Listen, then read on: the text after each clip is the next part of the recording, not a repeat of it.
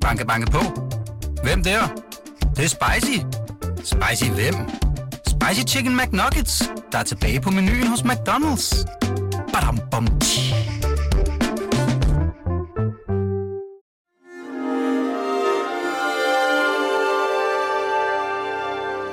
Du lytter til Weekendavisens hjemmeskole. Jeg hedder Minik Rosing, jeg er geolog, og jeg kommer fra Grønland. Du skal nu høre en historie om en videnskabsmand, som får en svimlende erkendelse, mens han arbejder i Grønland, og først efter sin død bliver anerkendt for den. Du skal høre historien om lyserød sifon og strussefjer i Umanak i Nordgrønland. Om en hvid falk, som skal til Hermann Göring, og du skal høre om, hvordan vores videnskabsmand efter sin død får en heltestatus som en slags Indiana Jones i tysk film.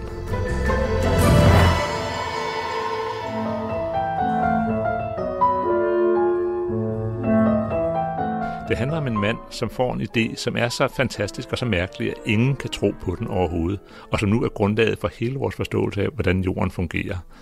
Vi skal høre historien om hvordan historien har ændret sig, altså hvordan Grønland var et sted i, øh, tilbage i 1930'erne, hvor hele verden på en eller anden måde var til stede. Øh, og vi skal høre om de mærkelige øh, tildragelser, der kan ske, øh, når man rejser i det her store og forunderlige land.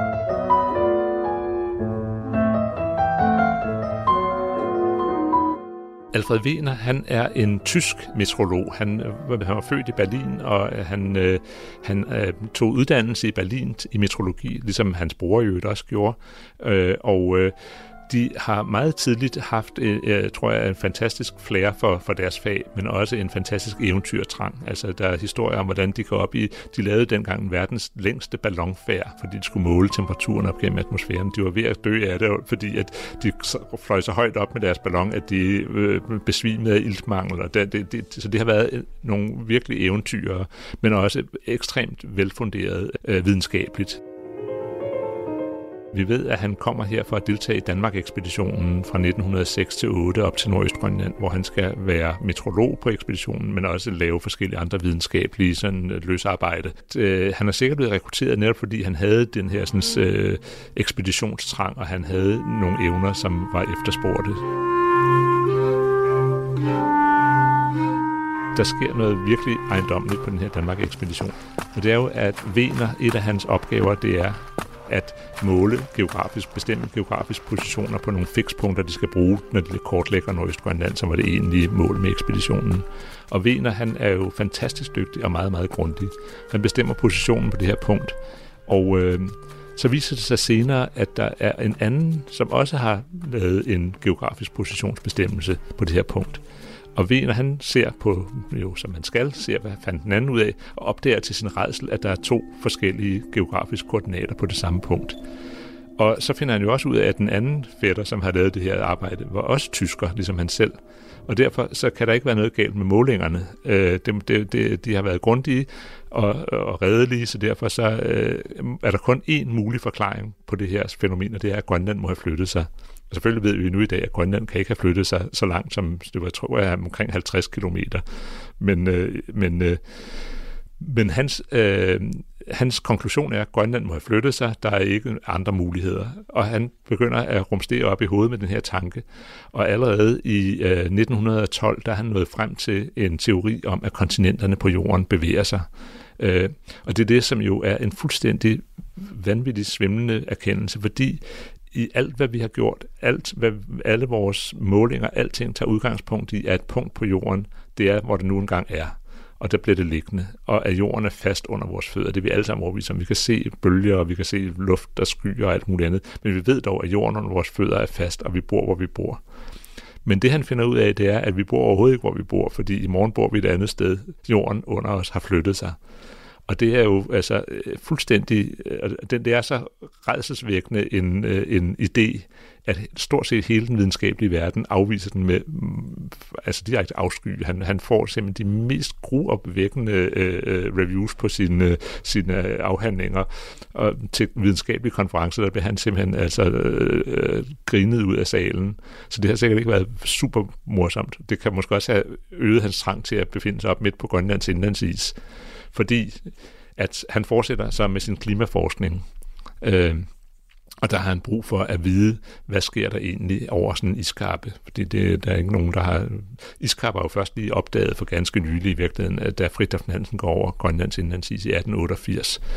Så øh, Vener beslutter sig for at lave nogle øh, værstationer op på indlandsisen. Og på det her tidspunkt, det var jo før de automatiserede værstationer, så man skulle have nogle arme djævle, der skulle sidde deroppe og passe de her øh, øh, stationer.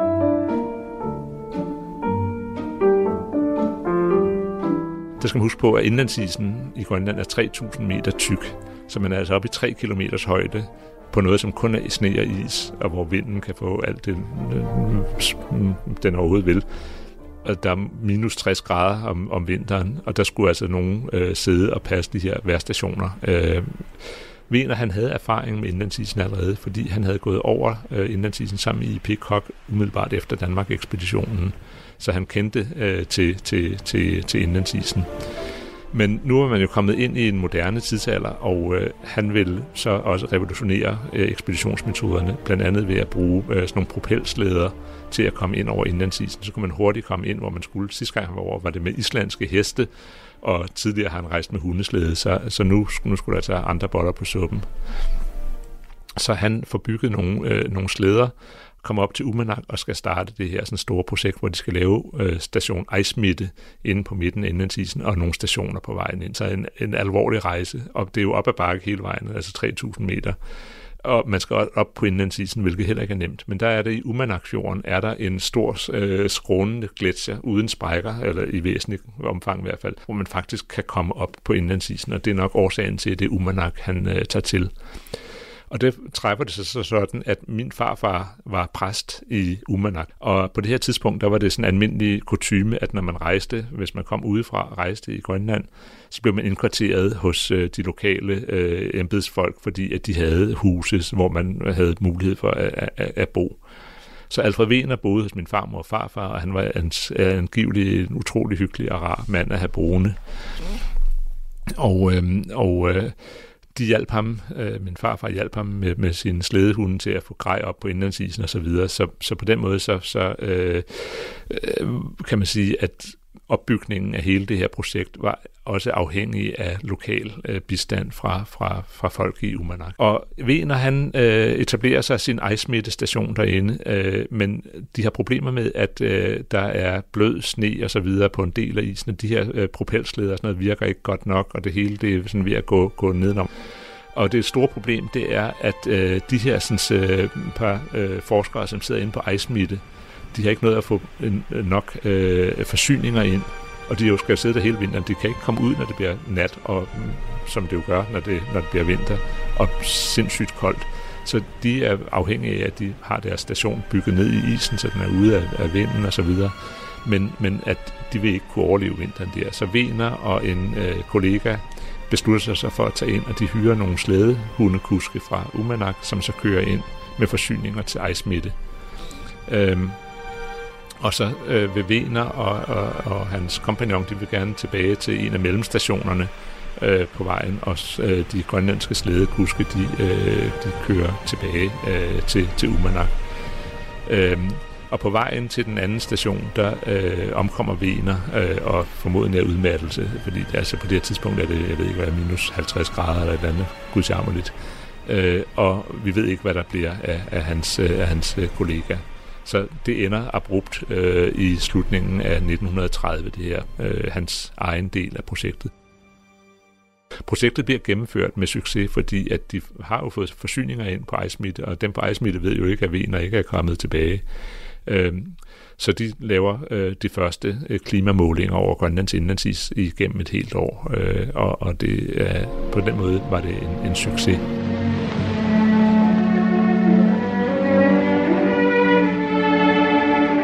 Det kommer øh, Lene Riefenstahl for, for øre, og vi husker jo alle sammen, at hun øh, var en fantastisk fotograf, en meget, meget øh, dygtig filmskaber. Hun var bjergbestiger, hun fløj flyvemaskiner, hun var igen sådan en total vild person.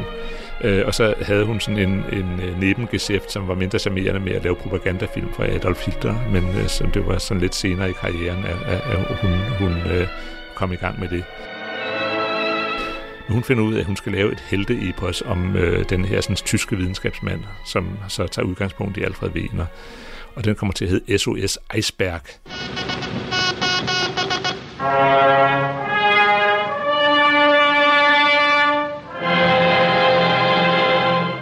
Og det skal jo så naturligvis også filmes i Umanak, hvor hele det her finder sted. Så 32 ankommer så Riefenstahl til, til, til Umanak, og som jo traditionen er, så må man jo indkvartere sig hos de lokale, som igen er min farmor og farfar. Min farmor fortalte om, hvordan at øh, de havde, øh, øh, piloten han lavede sådan nogle stunts, hvor han havde en lille krog på øh, øh hjørnet af, yderhjørnet af, af vingen, på vingespidsen, og så kunne man få lov til at stå og holde lomterklædet op i luften, så ville han komme og snuppe det med, med krogen på vingespidsen, så det har meget... Øh, øh, øh, så det har igen været sådan en tid, hvor man har fået et kæmpe pust ind fra den store verden.